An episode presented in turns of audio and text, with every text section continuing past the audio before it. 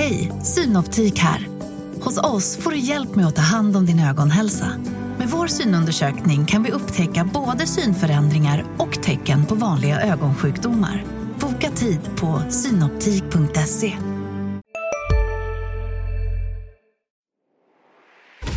Har vi totalt missuppfattat hur världen ser ut? På Dagens Industris konferens Världen, som inleder året den 15 januari kommer Gapminders vice VD Anna Rosling att dissekera tre megamissförstånd kring vår världsbild. På agendan finns även Investors ordförande Jacob Wallenberg om hur Sverige ska förbli ett världsledande innovationsland. Hur fortsätter Kina sin väg mot global dominans? En inblick från Fredrik Schuh, Sweden China Trade Council. Economists världsredaktör Alistair Ross ger en initierad framåtblick om världen 2019. Vill du förstå världen bättre och veta allt om vad som händer 2019 med Brexit, Trump, klimatet och Sverige? Anmäl dig idag på di.se konferens. Makrorådet från Dagens Industri. Hej och välkommen till Makrorådet. Jag heter Viktor Munkhammar. Med mig idag har jag Anna Breman, chefsekonom på Swedbank och Kristin Magnusson Bernard, global chef för makroanalys på Nordea. Välkomna båda två. Tack så mycket. Ja, det är onsdagen den 19 december när vi står här och dagens program är det sista för säsongen och vi ska därför försöka bena ut hösten lite grann. Vad av allt som har hänt var viktigt på riktigt och vad var mest brus? Och sen ska vi såklart prata om Riksbanken och torsdagens räntebesked eh, och lite om Fed. Eh, det är ju en, eh, ännu en het centralbanksvecka får man, får man säga. Men jag tänkte att vi skulle börja med det som kom nu på morgonen. Vi fick ju en barometer från Konjunkturinstitutet som eh, visade att eh, humöret är ungefär oförändrat. Huvudindikatorn var faktiskt precis oförändrad. Och inom tillverkningsindustrin eh, har humöret faktiskt förbättrats något medan hushållen är lite deppiga. Eh, och så har vi fått en ny prognos från KI. Men om vi börjar titta lite på, på barometern. Eh, Anna, hur reagerade du på det här? Det är positivt att, att industrin fortfarande är så positiv givet att industrin i resten av världen inte riktigt fortfarande är så positiv. Så mm. svensk industri går fortfarande går väldigt bra. Det syns även i själva utfallen, riktig data. Så det är positivt. Sen är det ju hushållen som deppar. Eh, och ifall jag, nu, nu kom det ju precis, men om jag såg rätt så deppar de mer om svensk ekonomi än om sin egen ekonomi. Um, och det har de gjort tidigare och när det har varit så och sen fortsätter de ha jobb, fortsätter att liksom tuffa på, då brukar de få tillbaka humöret lite. Mm. Men eh, det kommer ju säkerligen vara en viss eh, avmattning i svensk ekonomi nu driven delvis av att hushållen blir mer försiktiga framöver. Mm. Men en något bättre barometer än man hade kunnat tro i alla fall? Ja, framförallt att industrin fortsätter att gå så bra. Det är, det är väldigt skönt att se. Ja. Kristin? Ja, men då måste jag försöka komma med lite mer negativ spin här så det ska ja. bli en underhållning. Eh, dels kan man ju säga att barometern har varit ett ganska dåligt mått för, för, sen för då framtida BNP-utfall på sista tiden så den är svårtolkad jämfört med hur det brukade vara så man får ta det här med en nypa salt. Men det faktum att hushållen deppar och tillsammans med andra tecken vi ser på att inhemska ekonomin och särskilt konsumtionen bromsar in snabbare än vi hade trott visar ju på nedåtrisker. Och det var också intressant att KI själva sänkte prognosen ganska rejält. Precis, KI kom ju dels med en barometer men så släppte de också en ny konjunkturprognos och som du säger, de drog ju ner ordentligt på BNP-prognosen. De hade 1,9 så sent som i oktober för 2019 och nu sänkte de till 1,3 och lite upp på arbetslösheten också. Det var en rejäl kapning. Det är ju, oktober är inte jättelänge sedan. Nej, det är en rejäl kapning och jag tror att det här är i linje med det vi har pratat om här. Att det går lite snabbare neråt. Vilket kanske på sikt kan betyda lite snabbare uppåt också. För nu handlar ju mycket om hur blir, vad blir det för typ av avmattning. Det här blir det snabbt upp, snabbt ner. Blir det långsiktigt lite segt och sen studsar det upp igen. Men nu tror jag att fler bedömare kommer luta åt att ta ner lite snabbare och sen kanske faktiskt ge lite snabbare uppåt sida också. Ja. Anna, vad tänker du om den tillväxtprognoskapningen? Men avmattning är det vi ser och har förväntat oss länge. Eh, frågan är, kommer det komma lite snabbare och framförallt då hushållen och sen är det även byggsektorn då som är en fråga just nu. Eh, det, det, det jag tror man får komma ihåg är att tillväxtsiffror på helår påverkas mycket av de sista kvartalen föregående år. Det är liksom rent tekniskt hur man räknar på helårssiffrorna och givet att tredje kvartalet var negativt Eh, då, måste, då kommer man automatiskt skriva ner siffrorna även om liksom kvartalstillväxttakterna för nästa år är i stort sett likadana. Men vi kan ju ha att det här tredje kvartalet möjligtvis på sikt revideras lite uppåt. Och då kommer man få revidera upp igen. Så att man får tänka på att det finns tekniska faktorer förmodligen bakom deras nedskrivning förutom den här allmänna avmattningen som vi alla väntar oss. Just det, och det, om ungefär två år kommer vi veta hur det egentligen var när Precis, SCB kommer med den slutliga reviderar sina siffror Det är det där, det är liksom- ganska mycket. Prognoser om framtiden är svårt men prognoser om historien kan också vara rätt svåra. Ja, det är det just Ja, nu. ja, det är Vi svårt ekonom. gratulerar alla som ska fatta policybeslut i närtid och i realtid som vet att siffrorna är fel. Till exempel Riksbanken. Men det ska Ja. vi prata mer om. Nu, Alldeles precis nu faktiskt. Eh, policybeslut i realtid. Ett sådant sitter ju Riksbanken i detta nu och fattar och vi vanliga dödliga kommer få veta vad de eh, bestämmer på imorgon när vi står här, det vill säga torsdagen den 20. Och det är ju jättespännande. Ja. Riksbanken har inte höjt räntan sedan 2011. Och de Nagelbitar, kanske gör det ja. imorgon. Ja, men, det, men det anmärkningsvärda, Viktor, det är ju faktiskt att det är spännande. Ja. Det är ju ganska exceptionellt att dagen innan ett riksbanksbeslut, när man inte har höjt räntan på sju år, så är ekonomkåren och alla andra bedömare osäkra på vad de gör. Ja, de, Norma- de tänker också på underhållningsvärdet, det som Kristin var inne på. Det är kanske inte det man förknippar en centralbank med i första hand. Nej, och jag tycker ändå liksom att vi eh, liksom ändå utbildade nationalekonomer ska försöka se till, även om vi blir tråkiga så är ju faktiskt analysen det viktiga. Och det är en, ri- en, en centralbank vinner ju mycket trovärdighet på att guida marknaden och hushållen inför så här stora viktiga beslut. Och att vi inte vet och att de inte har kunnat guida, de har kanske inte varit eniga. Jag ser det ändå som ett visst svaghetstecken. Ja. Nu var jag lite försiktig där i mitt språkbruk. Ja, du Jag får gärna försökte- kliva på lite grann. Lite, jag vet att du gillar det, men jag försökte vara lite snäll där. Ja, okej. ja. Jag har faktiskt gjort en liten opinionsundersökning om Riksbankens trovärdighet. För att just eftersom det här är så svårt, om man tycker det är rätt eller fel beroende på vad man gör imor- imorgon. Så gick jag ut och frågade både lite bra folk som sitter i marknaden och folk som sitter med den akademiska sidan till exempel. Hur tycker du en höjning eller sänkning imorgon påverkar Riksbankens trovärdighet? Och där får man ju två helt skilda uppfattningar vilket gör att det här blir så intressant. De som då säger för guds skull höj inte, svensk ekonomi är klart på väg neråt, vi kommer få tillväxt under då trend och så vidare. Det här är helt fel tillfälle. Och dessutom vad är det för poäng med en, enstaka dutthöjning? Det här är ingen höjningscykel så nu får ni vackert inse, ni missade tåget, nu får ni sitta still då tills nästa tillfälle kommer. Och så finns andra falangen som säger, men om ni inte har höjt och ni har aldrig haft en så här lång period utan att ändra räntan, vad ska vi då med Riksbanken till? Vad, vad har stabiliseringspolitik för roll om man inte använder den? Och dessutom så är det här fortfarande en extremt expansiv politik. Så det gör att det finns två helt olika sätt att se på det här. Och det viktigaste som, som Anna är inne på blir ju för Riksbanken att försöka visa en, en konsistent väg ur det här som folk faktiskt tror att de kommer stå fast vid. För det har varit ett problem tidigare. Ja. Men, men jag är lite nyfiken, för det här var ju jätteintressant. Är det, är det marknaden som tycker att de ska stå fast vid vad de har sagt och ska höja och akademiska världen är lite mer skeptisk och tycker att de ska Nej, avvakta? det skär tvärs över. Det skär tvärs Ja, över. och det, gör, Mm. det, det tyckte jag. För jag hade trott att kanske marknadsmänniskorna skulle ha en vy. Men jag kan berätta, och jag, jag tror inte det är någon rökare i krysset om jag hävdar att det var Nordeas makroekonomsteam. Jag gjorde det här och lite strateger och annat folk på golvet.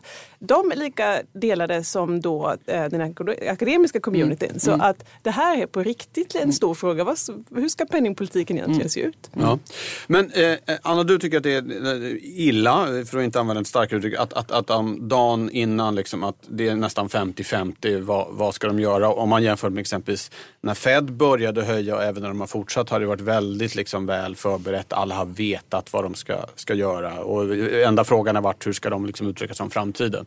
Men jag Är det tycker, din- jag, jag tycker ändå det hade varit önskvärt om de för någon vecka sedan hade kunnat ha haft ett, de har ju tal regelbundet och sen en vecka innan själva besluten så ska de inte ha tal. Men för en vecka sen då hade de ändå kunnat haft, skickat ut någon eh, i tidningarna eller något av de tal de höll och liksom indikerat att nej, men vi är genuint eh, oroliga över omvärlden och vi ser att det är lika bra att avvakta i den här miljön eller säga att nej, men vi tror ändå, vi ser liksom eh, starka fundament, eller starka fundament, det är ju lite fel att säga starka fundament i dagsläget, men av olika anledningar så tycker vi ändå att vi ska påbörja det här. Vi kommer ta det försiktigt och lugnt. Eller, man, de ska ju inte säga exakt vad de ska göra, men ändå ge någon form av analys kring varför det går åt ena eller andra hållet. Ja, ja, och det, ja. det, det har de inte gjort. Nej.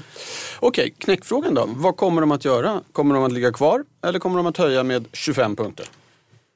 Vi tror ju fortfarande att de höjer men jag känner ingen stark övertygelse. Jag är genuint osäker på vad de gör imorgon. Ja, Kristin? Jag citerar Nordeas eminente riksbanksanalytiker. Mjuk höjning under stor vånda. Det blir en höjning men man flackar ut banan och så ser man, guidar man mjukare framåt. Ja, och flacka ut banan betyder att de säger att det kommer bli väldigt långsamma, långsammare höjningar framöver än de har sagt hittills. Ja, man, man kan ju inte riktigt ens prata om en höjningscykel här. Vi tror ju att kommer det någonting kommer nästa ungefär när ECB då höjer om ett år. Den höjningen hänger ju också allt lösare eftersom euroområdet saktar in ganska ordentligt. Och jag tror att det man vill göra, och det, bara för att följa upp på det med Anna pratade om tankeramen innan. Jag tror att man helt enkelt vill upp till noll. Det finns Ja. ingen stort tänk bakom det här. Det är bara att minusräntan i sig har varit kontroversiell. Och nu vill man bli av med det där genom att stoppa in två höjningar någon gång när man har tillfälle. Och, och jag menar, det, det är ju ett, eh, ett, vad ska vi säga, ett, em, ett väldigt, väldigt ovanligt sätt att bedriva penningpolitik på. det känns som ni båda håller tillbaka en del kritik här. Ett ovanligt sätt. Nej, men, nej, men, nej, men, nej, men de har ju haft, alltså man måste ju liksom se att, att Riksbanken har haft en speciell situation med ECB som har varit så aggressiva och lilla Riksbanken bredvid. Men de har ju, om man nu ska vara lite tydligare i kritiken, de har ju haft stark data i flera år, en inflationsmålet i flera år. Hade de höjt för ett år sedan eller ett halvår sedan, då hade de ju kunnat vara stilla nu och redan liksom var uppe på noll. Och då hade de bara kunnat avvakta och se hur blir det här nu. Det kanske stabiliseras under nästa år och så liksom är det okej igen. Eller så kanske det blir sämre. Men nu har de varit sena och då hamnar de i den här svårigheten vilket igen gör att de kommer få kommunikationsproblem och svårighet att motivera sin penningpolitik. Och det är, det är lite synd att vi har hamnat där igen. Ja. Men, men de har ju haft en svår situation, det får man ju erkänna. För, för de har ju bundit sig väldigt hårt vid att höja antingen nu i december Ja. eller i februari. Ja. Och då tänker jag i alla fall med tanke på datan som tickar in, exempelvis KI Mm. idag och IFO-index häromdagen och sådär. Att väldigt riskabelt att behöva vänta till februari när det kan tyckas vara ett ännu men- konstigare läge. Men händer inget idag tror inte jag det händer något i fe- eller imorgon förlåt, händer inget i februari heller. Och de har ju nästan ingen ny data i februari. nej. Så att liksom, där, jag håller helt med Kristin om att liksom det mest troliga är ju att de höjer men att de sen indikerar att de kommer gå långsammare framåt än vad de har sagt tidigare. För att om de väntar till februari, de har ett inflationsutfall, det ger inte så mycket ny information. De har ingen ny BNP, de har inte så mycket från omvärlden heller att ta in om det inte är någon liksom jättekatastrof som händer. Så att vänta om man tänker höja, då, då är det ju troligt att de inte höjer alls. Ja, och- det, var, det har ju liksom varit avancerade tidsvurper här. För, så, som Anna är inne på med guidningen av marknaden. Vet du att du ska höja senare, då kan du li, egentligen lika gärna höja idag. För tanken är ju att då ska du vara så säker på det så att då kunde du höjt någon gång under sommaren. Ja. Men istället så fick du ett, ett litet inflationsutfall hit eller dit som kanske inte riktigt var vad du hade hoppats på. Då blir det den här bilden av att, att man så att säga styrs av enskilda datautfall. Och det är klart man alltid ska ta hänsyn till, in, till ny data. Men, men det blir lite extremt om ett enskilt utfall ska styra. Tiondelarnas tyranni har väl Ja. Henry Olsson kallat det ja, och jag Ja, menar, jag, jag, Även Ingves har jag hört jag tror, både, jag tror Henry är både min och Annas gamla professor. Och jag tycker att jag... jag, Nej, jag håller- tror faktiskt inte jag har läst någon kurs för du honom. läste alla en kurs för ja. Nej, men jag, jag, jag håller med Henry här. Mm. Ja, Okej, bra. Vi ska kort nämna också, det finns ju en annan centralbank som är i farten redan eh, onsdag kväll, ikväll alltså, nämligen Fed. Eh, det kommer förmodligen eh, ha hänt redan när många av er lyssnar på det här, men vi, vi får väl ändå säga, och där är det ju väl guidat. Eh, Allt annat än en höjning vore väldigt överraskande. Istället är ju fokus på vad ska de säga om nästa år, där förväntningarna har justerats ner här på sistone. Något väldigt kort bara. Är det så man ska se det, Anna? Ja, alltså det skulle vara en skräll om de inte höjer. Eh, börsmarknaden skulle bli hysteriskt glad om de inte höjde, men det är troligt att de höjer. Men då inför nästa år så är det troligt att det de signalerar om ytterligare höjningar. De kommer fortfarande signalera att det kommer höjningar men färre än vad de tidigare sagt. Nu har ju inte de en räntebana på samma sätt som Riksbanken med de här dotplots som det kallas, mm. signalerar tre höjningar nästa år. Men det räcker med att en ledamot ändrar sig för att det ska sjunka till två. Mm. Eh, så att, intressanta blir här om det sjunker till två eller kanske till och med ner till en nästa år. Mm. Eh, så det är väl det som marknaden kommer leta efter. Jättekort Kristin, är det din bild av Ja men dels kan man ju säga att den här enda höjningen som marknaden inprisat den är ju betingad på sämre data. Så vi behöver sämre datautfall för att det där ska bli av. Så uppenbarligen har marknaden en vy då. Fed har inte reviderat ner prognosen än.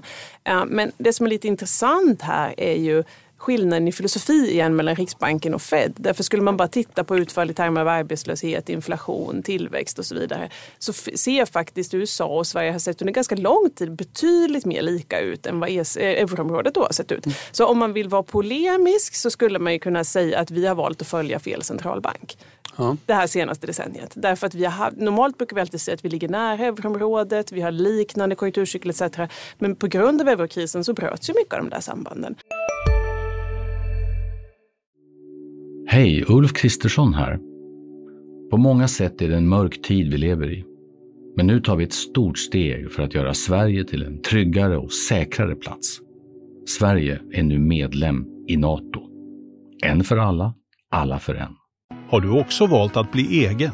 Då är det viktigt att skaffa en bra företagsförsäkring. Hos oss är alla småföretag stora och inga frågor för små. Swedeas företagsförsäkring är anpassad för mindre företag och täcker även sånt som din hemförsäkring inte täcker. Gå in på swedea.se företag och jämför själv.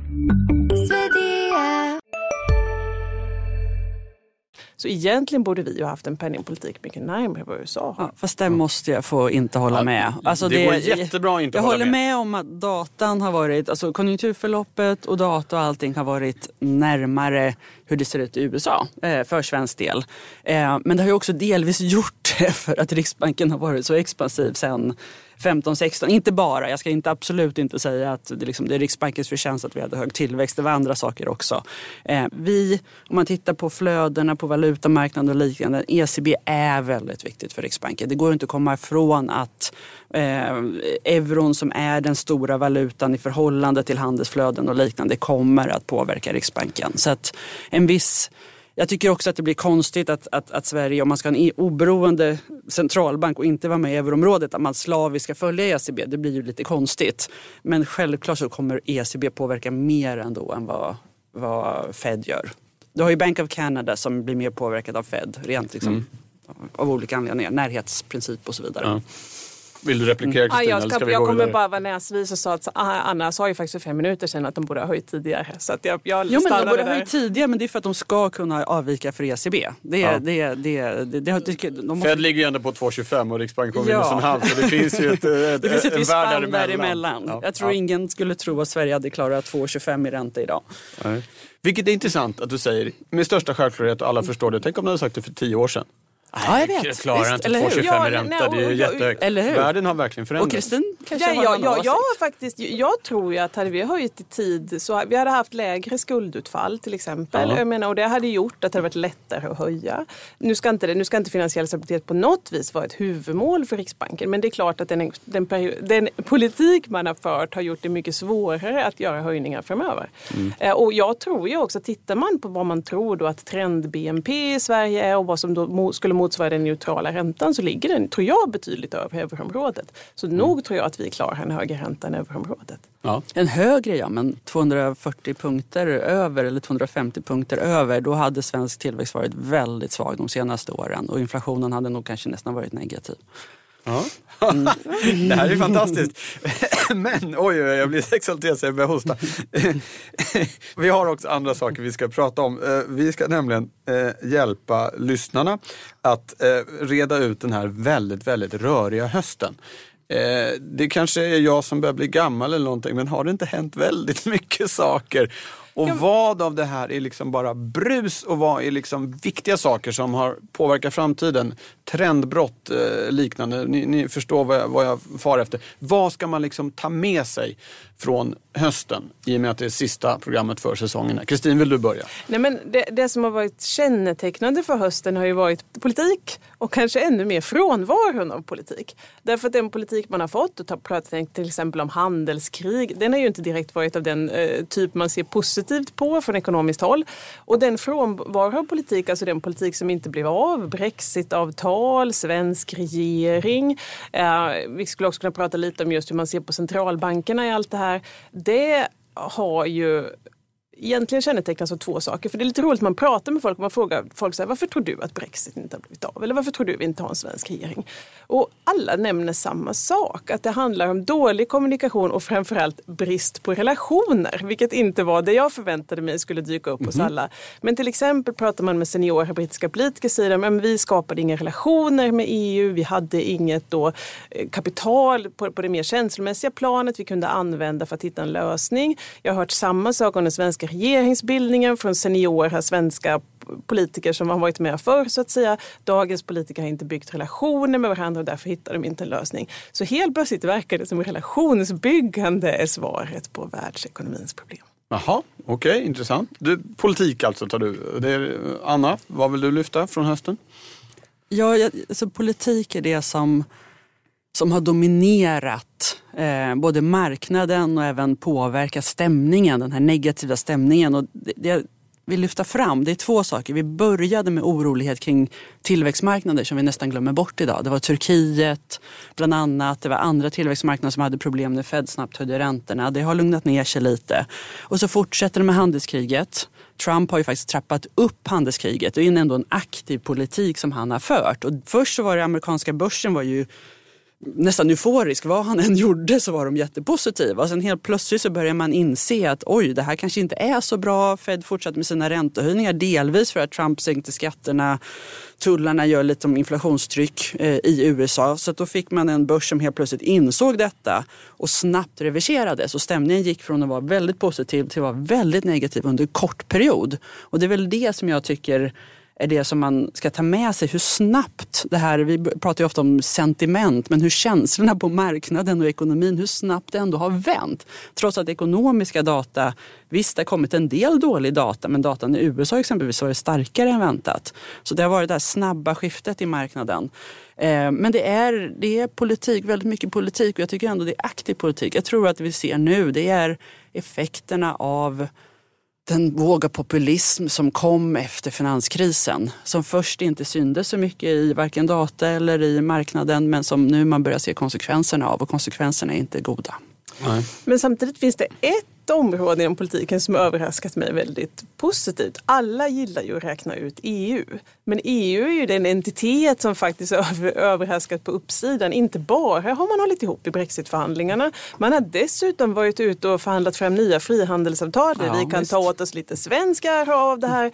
Så att där fanns det ju uppenbarligen mycket mer relationskapital och sammanhållning än vad någon trodde. Så det har varit lite det här också att det man trodde skulle funka, det man trodde man skulle hitta en lösning, det har inte gått så bra. Men EU även på klimatområdet har faktiskt tagit sig rejäla steg framåt. Ja, Okej, okay. men annars relationer säger du, känslorna, psykologin på marknaden. Det är liksom det mjuka värden här som eh, vi tar med jag, oss Jag tror det vi försöker säga här på ett fint sätt, att alla ni som trodde att marknader var rationella, ni kan sluta lyssna nu. Ja, nej, men det tror jag, lyssnarna, den här podden, de, den illusionen har de aldrig haft tror jag ens. Ja, Okej. Okay.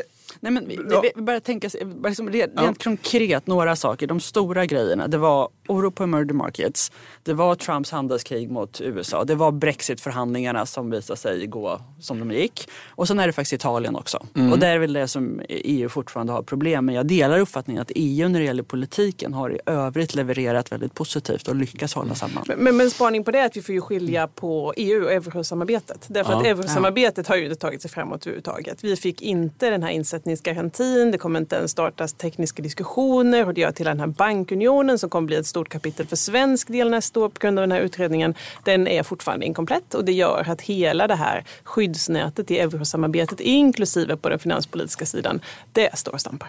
Ja. Bra, ska man bara lägga till att det verkar ju faktiskt som att det blir en uppgörelse nu mellan EU-kommissionen och Italien om man får tro mm. medieuppgifter i alla fall mm. som, som har läckt här bara senaste, senaste dygnet. Eh, tack för det. Eh, jag hoppas att hösten har blivit klarare för er där ute och vad man ska ta med sig inför nästa år. Då går vi vidare med era spaningar. Anna, ska du börja? Alltså, min spaning var egentligen det vi precis har pratat Jaha, om. Jaha, nej, men, nej men så här, eh, det är politiken som driver marknaden nu. Eh, och det är ändå ovanligt för att vi sitter båda på handlargolv och vi följer den här datan som kommer hela tiden. Det är BNP, det är inflation, det är de här barometrarna och liknande. Och det brukar vara det som gör att räntorna ändras eller valutakurser ändras. Men den senaste tiden, de stora skiftena, det har kommit från politiskt håll vilket gör att det är svårt för dem som ska sitta och ta positioner på marknaden. För det har varit, alltså det är så absurt, men det är faktiskt tweets från Trump som har gjort att börsen faller kraftigt eller att räntorna går åt ena hållet eller åt andra hållet. Det senaste, de här liksom stora trendskiften på marknaden, det har varit politiskt betingat och inte drivet av ekonomisk fundamenta. Och det är ju en svår situation som vi måste lära oss hantera. För vi gör ju ekonomisk analys. Vi gör ju fortfarande analys på hur går det för BNP, hur går det för inflationen. Men de stora händelserna, det är hur det kommer gå med Brexit nu i närtid. Det är vad som kommer hända med relationerna, relationer för övrigt, USA och Kina. Eh, så det är de här sakerna som är de viktigaste i närtid. Det är inte den exakta BNP-siffran för Sverige i fjärde kvartalet eller för euroområdet för den delen. Mm. Så det har blivit en tuffare arbetsmiljö, eller en svårare ja, arbetsmiljö? Och det, det, är också intressant att se. Jag liksom, liksom hedgefonder som har haft ett tufft år. Mm. Eh, framförallt de som är makroinriktade. Hur ska de kunna, de är ju duktiga på det här och handla på olika data, men hur ska de kunna handla på tweets? Mm. Det, är en, det, är, det är en ny konstig miljö som vi lever i. Ja. Nej, men jag bygger på lite med den här spaningen och mm, skrotar mm. den jag hade istället. För ja, den, den, ja, ja, ja, nej, men här, här är vi spontana. Ja, ja, kör på. Um, jo, om, om man ska bara få, få bygga på det Anna säger så är det ju politik men det är inte ekonomisk politik. Och det som, som också gör det speciellt för oss är ju frånvaron av det som vi brukar kalla mer cyklisk politik. Det vill säga normalt har man räntehöjningscykler, det är bara USA som har det. Vi får inget liknande vare sig i euroområdet eller Sverige. Man brukar också ha en rätt aktiv finanspolitik. Ingen del av det här kommer vi ha framåt för att det är svårt att komma överens om den typen av aktiva åtgärder. Och det gör att många av de normala ekonomiska och politiska drivkrafter som vi brukar ägna dagen åt att fundera på, ge det här en expansiv budget och hej och hå. De finns inte där. Och jag menar, vi, vi funderade lite filosofiskt ehm, eh, hemma på banken. Hur blir världen när vi inte har ekonomisk politik som stabiliserar fluktuationerna? För det är någonstans där vi, det ser ut som vi är på väg och den blir ju helt enkelt betydligt mer volatil och betydligt mer svåröverskådlig som Anna är inne på. Så att det är inte nog med att vi inte tittar på data, vi använder egentligen inte heller de politiska verktyg som skulle kunna stabilisera det här. Men, ja. men det är det som är det intressanta inför 2019. Om det nu är så att vi är på väg en avmattning och har vi lite tur så är det en avmattning. Har vi otur så blir det en ny recension, en ny lågkonjunktur. Och då kommer det här ställas på sin spets. Vad ska ekonomiska beslutsfattare göra i ett nytt svårt läge? Och Sverige tycker jag ändå att där kan man ha en viss tillförsikt för att vi har fortfarande finanspolitiken. Vi har väldigt starka statsfinanser, vi har en låg statsskuld och det går att stimulera ekonomin. Riksbanken kommer också kunna göra lite saker men inte liksom som de har gjort historiskt. Men inom Europa exempelvis, även i USA, det här är en väldigt levande debatt globalt. Och ovanpå det så har du ju då politiker i vissa länder som är oberäkneliga. Alltså de är inte beredda att gå med på de spelregler som världen har accepterat de senaste 20-30 åren. Med Trump som är ute och klagar på amerikanska centralbanken. Det är ingen amerikansk president som har varit ute och sagt vad han tycker att Fed ska göra de senaste 20 åren för centralbanken ska vara oberoende. Och det här skapar ju också en osäkerhet som är ny för oss att hantera. Ja, och bara en spaning på det. Det faktum att centralbankerna har ju varit de enda som har kunnat ta kraftfulla åtgärder. Och nu kommer A, antingen inte det utrymmet finnas eller B, när de gör det så kommer de utsättas för en granskning som inte de har varit med om tidigare. Mm. Och mycket av det beror ju på att det som har gjort stora stödköp och sådär är det här penningpolitik? Är det finanspolitik? Det är definitivt inte kortsiktigt, det är snarare strukturellt. Då rör du dig långt in på valda politikers område. Och det kan ju också vara en spaning för 2019 att nästa gäng som utsätts för populism lär ju antagligen då vara centralbankirer och finansinspektioner som någonstans är de som gör politiken i det här läget. Ja. Och det är inte valda politiker, det är tjänstemän. Och jag tror mycket av, jag är egentligen mindre orolig för Trumps tweet mot Fed för att han inte påverkat utnämningspolitiken mycket. Men igen, för att plocka upp Annas poäng om euroområdet, där är jag mycket, mycket mer orolig för. För där har man också gått in med sådana massiva stödåtgärder utan politiskt eh, mandat. Ja. Och egentligen, jag måste bara få lägga till det, vi ja. är redan där. De länder som har regeringar som man på något sätt kan klassificera som populistiska, de har redan gett sig på centralbanken. Det är Turkiet, det är Ungern, är Indien nu senast och nu även då, även om jag tror att Fed har ganska goda chanser att hålla emot, så är det även i USA. Mm. Tack för det. Eh, det var många spaningar där. Eh, vi ska runda av det här med veckans viktigaste. Och nu dröjer det ett tag innan vi är tillbaka så ni kan blicka längre fram om ni, om ni vill. Eller bara blicka väldigt kort om ni vill det. Det är ju en viktig händelse imorgon exempelvis. Anna, vad är det man absolut inte får missa här närmaste tiden? Det är Riksbanken. Riksbanken. Kristin? Ja. Jag säger ju då hur Riksbanken försvarar sitt beslut. Hur man förklarar, inte just vad man gör, utan hur man eh, guidar och berättar vad det är man har tittat på. Och förhoppningsvis, här är jag sugen på att knacka i bordet för att önska mig lite tur, men förhoppningsvis så har man hittat en gemensam kommunikationslinje som kommer hålla ett tag. Det vore Aha. fantastiskt. Okej. Okay. Stort tack ska ni ha för idag och för terminen. Tack ska du ha som har lyssnat. Makrorådet tar jul och nyårsledigt. Vi är tillbaka igen den 23 januari. Hoppas att ni där ute eh, får en fin ledighet om ni nu håller på med ledighet. Hej så länge! Makrorådet från Dagens Industri. Podden klipps av Umami Produktion. Ansvarig utgivare Peter Fällman. Har vi totalt missuppfattat hur världen ser ut?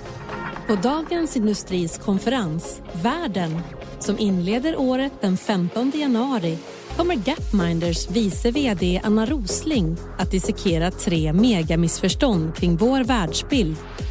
På agendan finns även Investors ordförande Jacob Wallenberg om hur Sverige ska förbli ett världsledande innovationsland hur fortsätter Kina sin väg mot global dominans?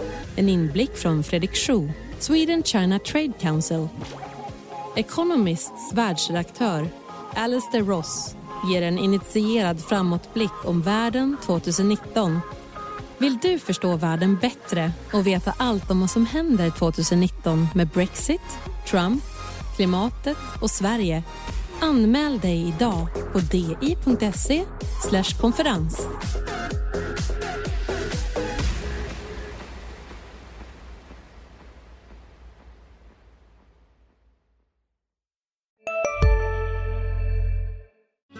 Hej, Susanne Axel här. När du gör som jag och listar dig på en av Krys vårdcentraler får du en fast läkarkontakt som kan din sjukdomshistoria. Du får träffa erfarna specialister, tillgång till lättakuten och så kan du chatta med vårdpersonalen. Så gör ditt viktigaste val idag, lista dig hos Kry. Kurrar i magen och du behöver få i dig något snabbt? Då har vi en Donken deal för dig. En chicken burger med McFeast-sås och krispig sallad för bara 15 spänn. Varmt välkommen till McDonalds.